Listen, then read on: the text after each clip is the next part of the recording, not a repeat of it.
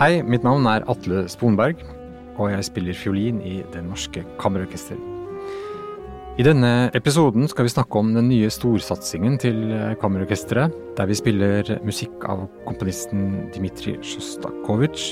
Og i tillegg da må vi lære alt utenat, bevege oss rundt på scenen. Og vi har spesiell lyssetting og kostymer. Hva er grunnen til at vi har valgt musikk av komponisten Dmitrij Sjostakovitsj, og hvorfor har vi valgt det uttrykket?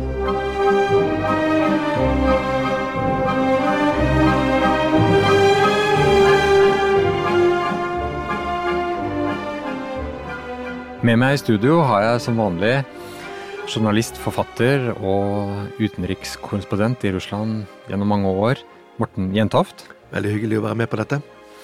Og eh, så er vi så heldige å ha besøk av selveste direktøren i Det Norske Kammerorkester, eh, som er med oss for å utdype litt om eh, denne forestillingen. Per Erik Kisel Larsen. Hyggelig å være her for meg også. Pelle, jeg har jo spilt i kammerorkesteret siden 80-tallet. Og vært med på utviklingen og Men hvem er vi egentlig, Norske Kammerorkester?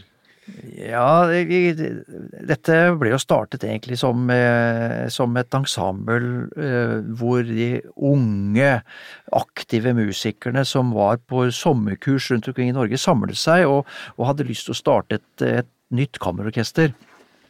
Uh, og det gjorde de på slutten av 70-tallet. De var først på et kurs oppe i Trondheimsdistriktet under Bjarne Fiskums ledelse. Uh, og så kom jo dette, dette, var musikere som i stor grad var uh, stasjonert ute. Altså de var, var, i studier, eller de hadde jobb i utenlandske orkestre, men de lengtet hjem. Og når de kom hjem, så ville de gjerne gjøre noe i tillegg til da å forhåpentligvis få jobb i Oslofilharmonien. Og Terje Tønnesen ble jo en veldig viktig drivkraft i dette, og han samlet jo orkesteret da for første gang her i Oslo. Og, Når var det? det når det var? Cirka, ja. ja. Det var i 1977. Ja. Høsten 1977. Da trommet han sammen med alle disse kollegaene sine som kom fra, fra nær og fjern og, og, og, ville tilbake til Norge og, og være en del av Oslofilharmonien. Men da gjøre dette i tillegg. Så de hadde debutkonserten sin høsten 1977. Det fortelles at konserten varte i tre og en halv time, og at de brukte 100 timer til å øve inn programmet. Ingen fikk betalt. Nei, det var sånn det var. det var starten på Det Norske Kammerorkester, og, og, så gikk årene, og det var fremdeles sånn i lang tid at ingen fikk betalt. Ja, jeg var på en sånn en måneds turné i Tyskland en gang. Jeg kom hjem med liksom 3000 kroner eller noe sånt. Ja, ja altså det, det, var andre tider, og, og jeg, jeg, jeg, jeg, tror at det var på mange måter en veldig, veldig fin tid. Ja. Selvfølgelig skal man få betalt, men det er noe med å, å beholde iveren i det å være musiker eh, ja. før du egentlig tenker på lommeboka di. Eh, og det er vel kanskje litt sånn kjernen i Det Norske Kammerorkester. De som er med hos oss, er med fordi at de elsker å spille i dette orkesteret. De elsker å spille med alle de aller beste musikerne de faktisk kjenner til. Ja. Så de har jo på en måte Vårt, vårt musikerkollektiv er samlet sammen av de dere selv har pekt på ja. som utmerkede musikere. Så, og det har jo vært vår historie fram til i dag. Terje Tønnesen har jo vært på mange måter alfa og omega helt siden starten, men han hadde jo i mange år med seg Iona Brown kunstnerisk leder i det engelske St. Martin in the Fields-orkesteret, som sikkert veldig mange har hørt på både nattradio og andre sammenhenger. Så det er på en måte bakgrunnen for orkesteret og bakteppet vårt. Det er jo mitt inntrykk også at orkesteret er på en måte drevet av entusiasme, og har alltid vært det. Og jeg har jo vært gjennom den perioden med Terje og Ione Brown, og, men så har jeg liksom sett da at Terje Tønnesen han har på en måte villet utvikle konsertkonseptet til noe annet. Vi spiller jo stort sett ikke sant, eldre musikk, men han har på en måte utviklet det til å prøve å få det til å liksom gjelde mer at vi kan liksom forbinde med vår tid. Eh, og der kommer jo den eh, utenatspillingen. Vi har hatt regissører eh, med for å se på det totale uttrykket ute i sal. Og det nye prosjektet nå, DSCH, som vi skal gjøre på Operaen, er det en forlengelse av det, og hvorfor uh, har du satt i gang et så stort maskineri for å få det til? Altså det, dette kommer, som du sier, ikke ut av intet. Nei. Det er en lang prosess, og orkesterets historie med Iona Brown handlet jo om den, den konservative, klassiske, engelske spillestilen, ja. som, som, jo har vært rett og slett et fundament for egentlig alle de norske orkestrene gjennom denne skolen dette faktisk var. Og du er jo selv en del av den generasjonen som nå sitter i alle de norske orkestrene og har med seg hele den kvaliteten. Ja. Og så eksisterte jo Terjes, Terje Tønnesens verden ved siden av denne, som det mer eksperimentelle. Og i mange år så levde de side ved side. Etter at Iona Brown eh, dessverre døde på begynnelsen av 2000-tallet, så eh, tok jo Terje fullt og helt over Kammerorkesterets ledelse. Og det, det, var da jeg også kom inn. Og jeg har jo alltid bejaet hans eh, syn på kunst. Han. Eh, tør virkelig å eksperimentere, eh, og han er Terje er jo ekstremt opptatt av teater som formidlingsform. Og han, han, er gift med skuespiller, og han har nok hatt veldig lyst til å eh, bruke noen av teaterets virkemidler inn i vår kontekst, ja. og overføre de til, til selve konsert formen. Eh, og Terje har vært veldig opptatt av det såkalte fjerde veggen i teatret. Altså den usynlige veggen som, som er mellom sal og scene, og der de på scenen ikke forholder seg til de i salen. Dette, han, ja, dette er hans store prosjekt, ja. og det er hele linjen fra tidlig på 2000-tallet fram til i dag peker i den retningen. Uh, og jeg har forsøkt uh, fra mitt ståsted å bevirke til at vi skal gå i den retningen, også for at Uh, våre musikere skal tilegne seg en kompetanse i å fortelle historier på en annen måte. Ja. For en konsert er jo, er jo en historiefortelling. Det er ikke bare å raske sammen tre verk. Hvis du går på en vanlig konsert, så ser jo den dessverre, etter mitt syn, da, helt lik ut i dag som vi gjorde for 100 år siden. Det er først et kort, en kort overtyre, så skal man ha en solist, så skal man ha en pause så man kan gå ut og, og, og kose seg litt og snakke med de man kanskje kjenner, og så skal man få en symfoni, og så skal man gå hjem. Ja. Ja. Men, men, men, men det, det dere gjør nå, er jo noe noe helt nytt likevel. Altså, Dere har aldri gjort i Det Norske Kammerorkester noe sånt som dette her, har dere det? Ja, vi har gjort det, jo da. Vi har gjort veldig mye rart. Uh, om ikke akkurat sånn som dette, så, så, så begynte vi jo uh, å spille uten at det første prosjektet vi gjorde var på uh, Yehudi Menjun-konkurransen som var i Oslo i 2011, tror jeg det var.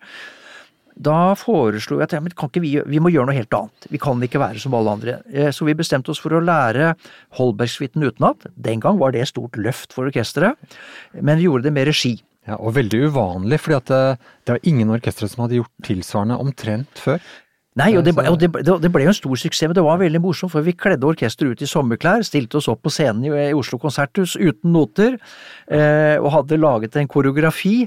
Og når vi startet, da begynte jo hele salen å le. Ja. og de klarte jo nesten ikke å stoppe. Nei, nei, nei, nei. Hvorfor lo de, da? De så jo, de, dette hadde du aldri sett før, dette var jo noe helt nytt. Et orkester som ikke bare spilte uten noter, men de satt ikke i kjole og hvitt, de satt i litt sånn sommeraktige klær. Eh, og de beveget seg rundt og hadde det kjempegøy på scenen. Og dette smittet jo over på, på eh, publikum, og det var jo kjempesuksess. Og dette er altså, du kan si, det går en linje der fra Holbergsuiten i 2011 til Sjostakovitsj i 2023, etter din mening? Absolutt. Så, og, og, og, da, i, i, perioden videre, så har jo vi blant annet jobbet eh, tett med en amerikansk mimer og regissør. Han var utdannet i Frankrike blant de beste mimerne. Uh, og han uh, var teatermann, men han ville så veldig gjerne gjøre noe med konsertformen, for han elsket å gå på konsert. Eh, så han begynte å trene opp dirigenter og musikere for å tilnærme seg eh, en annen formidlingsform. Og som, som Bud Beyer, som han het, sa, eh, du ser jo aldri en skuespiller som står på scenen med manus. Det ville jo ikke publikum ha akseptert. Men på en konsert så aksepterer man at man står med manus. Og det var i grunn det, det, det, var ledetråden vår til å gjøre noe annet. Men du forventer kanskje ikke at publikum skal stå og le av dere når dere opptrer med Sjostakovitsj musikk på operaen? Nei, og de har jo stoppet å le. Og vi har gjort veldig alvorlige forestillinger. Ja. En, en, den kanskje mest ekstreme forestillingen vi gjorde, det var jo den vi kalte Gates of Hell, eh, hvor vi tok utgangspunkt i eh, August Rodins eh, fantastiske freske eh, og hans skulpturer, og så omdannet vi da rett og slett en konsert til å være en kombinasjon av en kunstutstilling og en konsert, og hvor vi stilte ut våre egne musikere. Vi lagde søyler til dem, vi kledde de i svart, vi ga de trening med yoga. Ja. Uh, og vi, vi, formet da de skulpturene som hver enkelt musiker hadde valgt seg ut som de ville være. Så inviterte vi publikum inn til denne utstillingen mm, med underliggende musikk som ble live fremført. Og så gikk publikum da rundt og så på disse skulpturene, og det var jo en kraftanstrengelse for musikerne. Ja. Var, du, var, du, med på dette, Atle? Nei, jeg var ikke, det, jeg var ikke noen av skulpturene, men jeg var med på yogatreningen som, som leda opp til det. Og det, det, og det, ble jo en fantastisk opplevelse, og, og, og, mye av dette var jo en trening i at musikerne skulle kjenne på hvordan det er i kraften mellom det å være helt stille, ikke kunne bevege seg på noe som helst, men likevel formidle. Ja. Og det var tanken vår, dette må vi ta med oss inn og lære av når orkesteret står på scenen og skal formidle videre ut til publikum. Altså at det går an å formidle veldig mye uten at du behøver å gjøre så mye bevegelse. Men er ikke dette et økonomisk spørsmål? da? Altså, Det å lære ting uten at det tar jo mye mye lengre tid. Da må jo musikerne lønnes i tre uker istedenfor én uke. ja, men du vet, som jeg sa til å begynne med, eh, de musikerne hos oss er ikke så opptatt av penger. Nei, men uh, vi, Nei, da, vi, får, vi, får, litt kompensasjon. Ja, litt kompensasjon vi, har, uten ja, ja. kompensasjon. ja, vi har gjort det. Vi, vi har laget en type kompensasjonsordning for at de skal lære seg dette utenat. Uh, og det er krevende, men de blir jo flinkere og flinkere. Men det vil jeg også si er at eh, når vi har gjort f.eks. den kammersymfonien, som vi også skal ha med her, vi har gjort det utenat og med regi Eh, hvor vi egentlig står stille, men vi har uten at Og alle er klar over hvilket uttrykk vi skal formidle ut i salen. Å høre publikums reaksjoner etterpå, det er ganske spesielt. Eh, det er en helt annen um, tilbakemeldingene vi får etter sånne konserter, hvor de virkelig blir mer berørt enn vanlige konserter, fordi all konsentrasjon er på formidling, på uttrykk. Vi kan ha mer kontakt med hverandre når vi ikke må se i de her eh, notene, ikke sant, med manus. Så det er ganske, men, men, det er ganske men, stort kick. Mm. Men får publikum eksempel da under denne forestillingen lov å komme med sine reaksjoner på en annen måte enn sånn tradisjonell klapping etter de forskjellige kan de få lov å si noe etter eh, de forskjellige eh, eh, stykkene som de skal spille her? er det ok? Nei, det, er, altså, Nei. Det, det, ligger ikke som det. det. det. er jo litt sånn at for meg i hvert fall er en, en god forestilling, en god konsert, det er der jeg begynner å sitte langt bak på stolen, men kommer lenger og lenger fram. og hvor jeg lurer på om går dette bra eller ikke. Og det er jeg av og til må holde pusten. For å virkelig klare å ta det inn i meg, og der jeg må kjempe litt med tårene eh, for å ikke bli for tatt av det som skjer på scenen. Og det er jo det vi ønsker at publikum ja. skal få av det vi nå gjør med denne forestillingen med musikk av Dmitrij Sjostakovitsj, som vi kaller DSCH, som jo sikkert er litt, eh, litt kryptisk, men, men en grunn til å velge Dmitrij Sjostakovitsjs musikk er jo at den er så mangfoldig. Og det er jo mye musikk her som har vært uh, laget for film, for scene, altså for et annet uttrykk enn den tradisjonelle konsertscenen. Betyr det noe i det utvalget dere har gjort her? Masse. Det, det, når man lager en forestilling, så skal man jo lage en dynamikk. Det skal være et handlingsmønster. Eh, og du er jo avhengig av å ta med publikum på en reise. Du kan ikke bare sitte og gråte hele tiden. Du kan ikke bare sitte og le hele tiden. Det må ha et fullt følelsesregister, og noe av vitsen med å velge ut denne musikken som vi har gjort, er jo at man skal gi denne forestillingen en struktur og en form hvor du blir tatt med på en reise, en historiefortelling. Eh, eh, som da skal forhåpentligvis ende et sted hvor, eh, hvor du får utløp for hva du synes om dette da når, vi, når det er ferdig, altså ikke underveis. Er det sånn at du det er liksom å ta det et skritt videre fra sånn vi har holdt på før med utenlandsspilling, den forestillingen her? Ja, altså vi, vi, har, vi, har, prøvd å legge sten på sten i det å utvikle dere som musikere i en retning hvor dere får en ny kompetanse og føler dere trygge i den kompetansen, til stadig å ta nye skritt. Eh, så fra å spille ære Holbergssuiten utenat, så har dere jo lært dere altså komplekse, veldig vanskelige stykker som Schönbergs forklerte nacht, eh, Strauss sine metamorfoser, hvor hver enkelt musiker har hver sin eh, unike stemme. 23 ulike stemmer. Dette er komplekse, svære ting. Ja. Eh, og det, nå går vi enda et skritt videre. Dere må ta på dere et kostyme. Eh, dere må eh, forholde dere til en regissør. Det er, en, eh, det er to scenografer som lager historien gjennom både lys og spill med såkalt bobinett, altså et, et sånt sceneteppe der man der lyssettingen bestemmer om du skal se gjennom det, eller bare se selve dette som en skjerm. Mm. Fortell litt om hva slags kostymer Atle Sponberg og gjengen skal ha på seg i denne konserten. Ja, de, de, er veldig gøyale. Vi har med det, det danske kostymemakeren og, og, scenografen Maja Ravn, eh, som jo for øvrig er på opera nå med en forestilling eh, av Mozart, som hun, som hun har eh, ansvaret for. Så hun har da eh, laget et veldig morsomt eh, ikke morsomt, men på en måte en, en, moderne versjon av det du tenker på når du tenker på Russland i, i Sjostakovitsjs tid. Hva du skal på deg da, Atle? Jeg skal ha på en kjole. en slags eh, Nei, det, er, det, minner litt om en sånn skotsk variant, på en måte. Men det er faktisk en kjole og vest og Uh, Svart-hvitt. Mm, også uh, Det var også en hatt, ja. Mm. Forandrer sånn, et sånt kostyme noe måten du spiller på?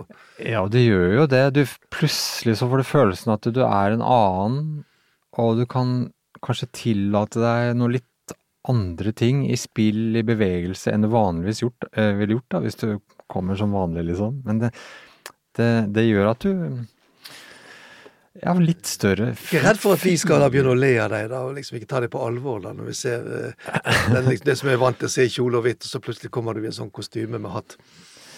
Uh, jo, det er klart at risken er jo der, men uh, det er jo så Etter de første prøvene vi har hatt, så altså, merker jeg jo det at det er så flotte stemninger det kommer til å bli.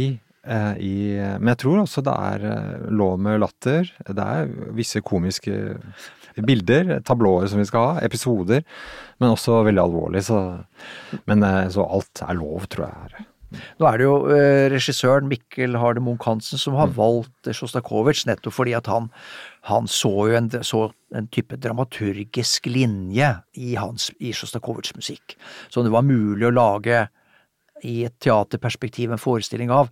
Og så er det jo viktig for oss hele tiden å, å, å si, kjempe mot teatret.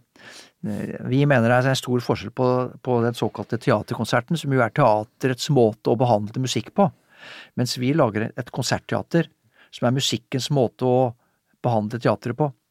Så vi går fra, på en måte fra den andre siden og leder inn i, mot teaterets verden, men det er veldig viktig for oss å ikke krysse en slags skillelinje og bli teater. Vi holder veldig hardt på at dette fremdeles er en konsert. Det er bare en konsert hvor vi bruker andre virkemidler for å tydeliggjøre en historie og i større grad formidle det veldig abstrakte bildet musikken gir. Litt, kanskje litt sterkere og litt mer forståelig. Morten Jentoft, du nevnte at eh, du visste noe om eh, Sjostakovitsj var glad i å kjøre tog. Ja. ja vi har jo, glad, scene, jeg har jo en scene som uh, nettopp handler om en togreise. Um, det er uh, strykekvartett nummer sju. Vi kan jo høre litt på den, men ja. Ja, nei, altså det, det, Tog Jeg reiste mye med tog i det tidligere Sovjetunionen ja. og i Russland og Ukraina når jeg har vært der borte som korrespondent. Jeg elsker å reise med disse russiske togene. Det er en egen stemning med ja. det i dem også. Og det fins jo en del bilder da, av uh, denne Sjostakovitsj, selvfølgelig da med en røyk i hånden. da, så Som alltid, ja. Blant annet da på det berømte toget Strelka, som betyr pil, ja. som går da mellom Moskva og St. Petersburg. Dette er jo et klassisk nattog mellom Russlands to største byer. Det er litt, I dag er det litt luksus, da, for det, i dag går det jo hurtigtog som tar bare fire timer. Men noen av oss eh, syns det er flott å reise med, med, med nattoget. Og det er jo mange episoder, da. eller Vi ser jo Sjostakovitsj på bilder, da. Vi som følger med på disse her. Det fins en egen nettside med bilder av Sjostakovitsj der det kommer veldig mye interessant ut. Og det er han faktisk ofte på et tog på en reise. Han var jo en aktiv ja. uh, pianist. Fremførte sine egne styrker i starten. Han var jo etter hvert en, en person som alle ville ha en bit av. Så han reiste jo eh, mye rundt da og, og, og holdt konserter. Og da ser det ut som han eh, elsket å reise med tog. Ja, i denne scenen da så har du Vi bruker det lerretet som er bak oss når vi spiller, hvor det er eh, illustrerer en togreise som beveger seg. Og hvor vi sitter og spiller denne kvartett nummer sju, da, og, Og så flytter vi fra sete til sete litt. Det er litt bevegelse og ja, må kanskje fortelle folk hvordan et sånt sovjetisk tog ser ut. Ja. Altså, det er jo veldig Det er jo kupeer. Ja. Altså, det er stort sett altså, Det vil si at det er kupeer med plass til enten to, da har du bra med penger. Fire stykker, da har du litt mindre penger.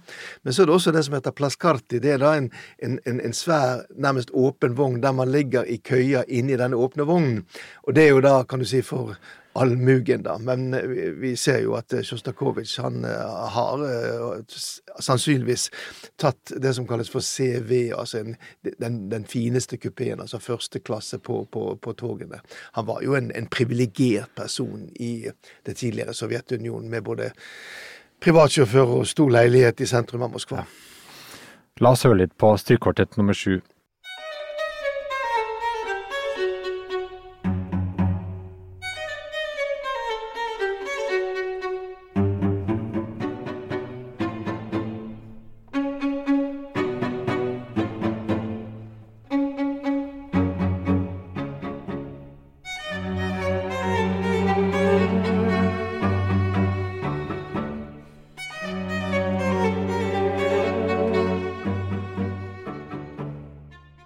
Ja, Pelle. Nå har jeg, spilt utenat.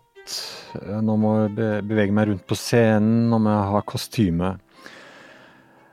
Hva blir det neste? Ja, si det. Jeg, jeg tenker vel at jeg, vi bør ikke nødvendigvis legge til nye elementer hver gang. Jeg tror det handler mer om at vi bruker og videreutvikler det vi nå jobber med. Dette er jo læringsprosess for oss også. Eh, kanskje vil vi gjøre ting som vi tenker dette skal vi ikke gjøre videre. Eh, men vi, vi må trekke det beste ut av det, og, og, hovedoppgaven vår er jo å fornye den klassiske eh, musikkformidlingen og den tradisjonen. Å være noe som byr på et alternativ. Da. Jeg ser gjerne at orkester, altså den klassiske konsertformen består, men den, den, trenger noe i tillegg. Den har vart lenge nå. Spesielt med tanke på at alle er på jakt etter et nytt publikum. Og hva hva sier unge folk i dag? Ja. Jo, de sier så du den konserten? Det er ingen som snakker om at man hører på konsert lenger, man ser en konsert. Og jeg tror at det visuelle eh, elementet i en konsert vil komme sterkere og sterkere, og skal vi tiltrekke oss et nytt og kanskje yngre publikum, så må vi forholde oss til det visuelle på en annen måte. Og det kan ha veldig mange ulike uttrykk, men er, vi er nødt til å ta inn over oss at det blir en viktig del av fremtiden for oss. Ja. Jeg husker Bud Bayer også, han som eh, vi hadde samarbeid i starten av utenatspillingen. Han snakket om det, han mente at fremtiden for orkestermusikere er å spille utenat. Ja, jeg tror at altså, det, er veld, det, er interessant å se på hvordan et orkester jobber kontra et teater. Mm. Teater har jo åtte ukers prøvetid, og mm. i hvert fall ryktene tilsier at når skuespilleren kommer på første prøve, så sliter de med å få åpne boken, for den faller bare sammen igjen, for den har ikke vært åpnet hjemme. Mens en musiker kommer jo på jobb eh, på mandag morgen og kan stoffet sitt ekstremt godt. Jeg, mine, mine, mange venner i Filharmonien pleier å, å, terge litt ved å si at det, det er ikke nødvendig at dere sitter og øver fra mandag til torsdag, for det er 99% av publikummet deres vil ikke høre forskjell på mandagsprøven og torsdagskonserten. Og det, det, er selvfølgelig ikke helt sant, men, men, men, eh, men, det er en helt annen prosess, og hvor musikerne masseproduserer til de grader ved å ha nytt repertoar hver uke, mens teatret holder på en helt annen syklus, hvilket umuliggjør at du kan lære deg konserten utenat hver uke. Det er jo derfor vi også har uh, uvanlig lang prøvetid på dette prosjektet, da, vil jeg tro. At det er teaterrelatert. Det er jo nesten en måned med, med prøver i mai. Ja, og allikevel så er vi under halvparten av hva et uh, teater vil ha. Riktig, ja. Men uh, Per Erik Kis Larsen, hva håper du publikum skal sitte igjen med etter å ha sett, sett og hørt forestillingen vår? Jeg håper at det er egentlig at det blir litt som da vi hadde en kirkekonsert i, i Ullern kirke en gang, og Terje Tønnesen holdt på med veldig mye eksperimentelle ting. Eh, det var en julekonsert, og den første som kom ut, uh, sa dette er det verste jeg noen gang har opplevd. Og så kom neste ut og sa dette er det flotteste jeg noen gang har vært med på. Ja. Og jeg tenker at hvis vi klarer å berøre folk sånn at de ikke er eh, litt sånn gjespende eller likegyldige, men, men, men tar et, en aktiv stilling til om dette var likte jeg veldig godt, eller jeg likte overhodet ikke, og gjerne diskuterer det. Ja. Vi trenger å bli diskutert. Da er jeg fornøyd. Godt poeng, eh, Pelle. Og eh, i neste episode har vi invitert eh, en av Bratsjist, faktisk. Da vil jo du føle deg hjemme, Morten? Det vil jeg absolutt, selvfølgelig. Og det er eh, bratsjisten Ida Klokk Bryn, som også spiller i Det Norske Kammerorkester. men er frilanser og skal ha en podkast selv, faktisk, om motivasjon. Tusen takk for at dere var med i denne episoden. Veldig hyggelig. Morten og Pelle.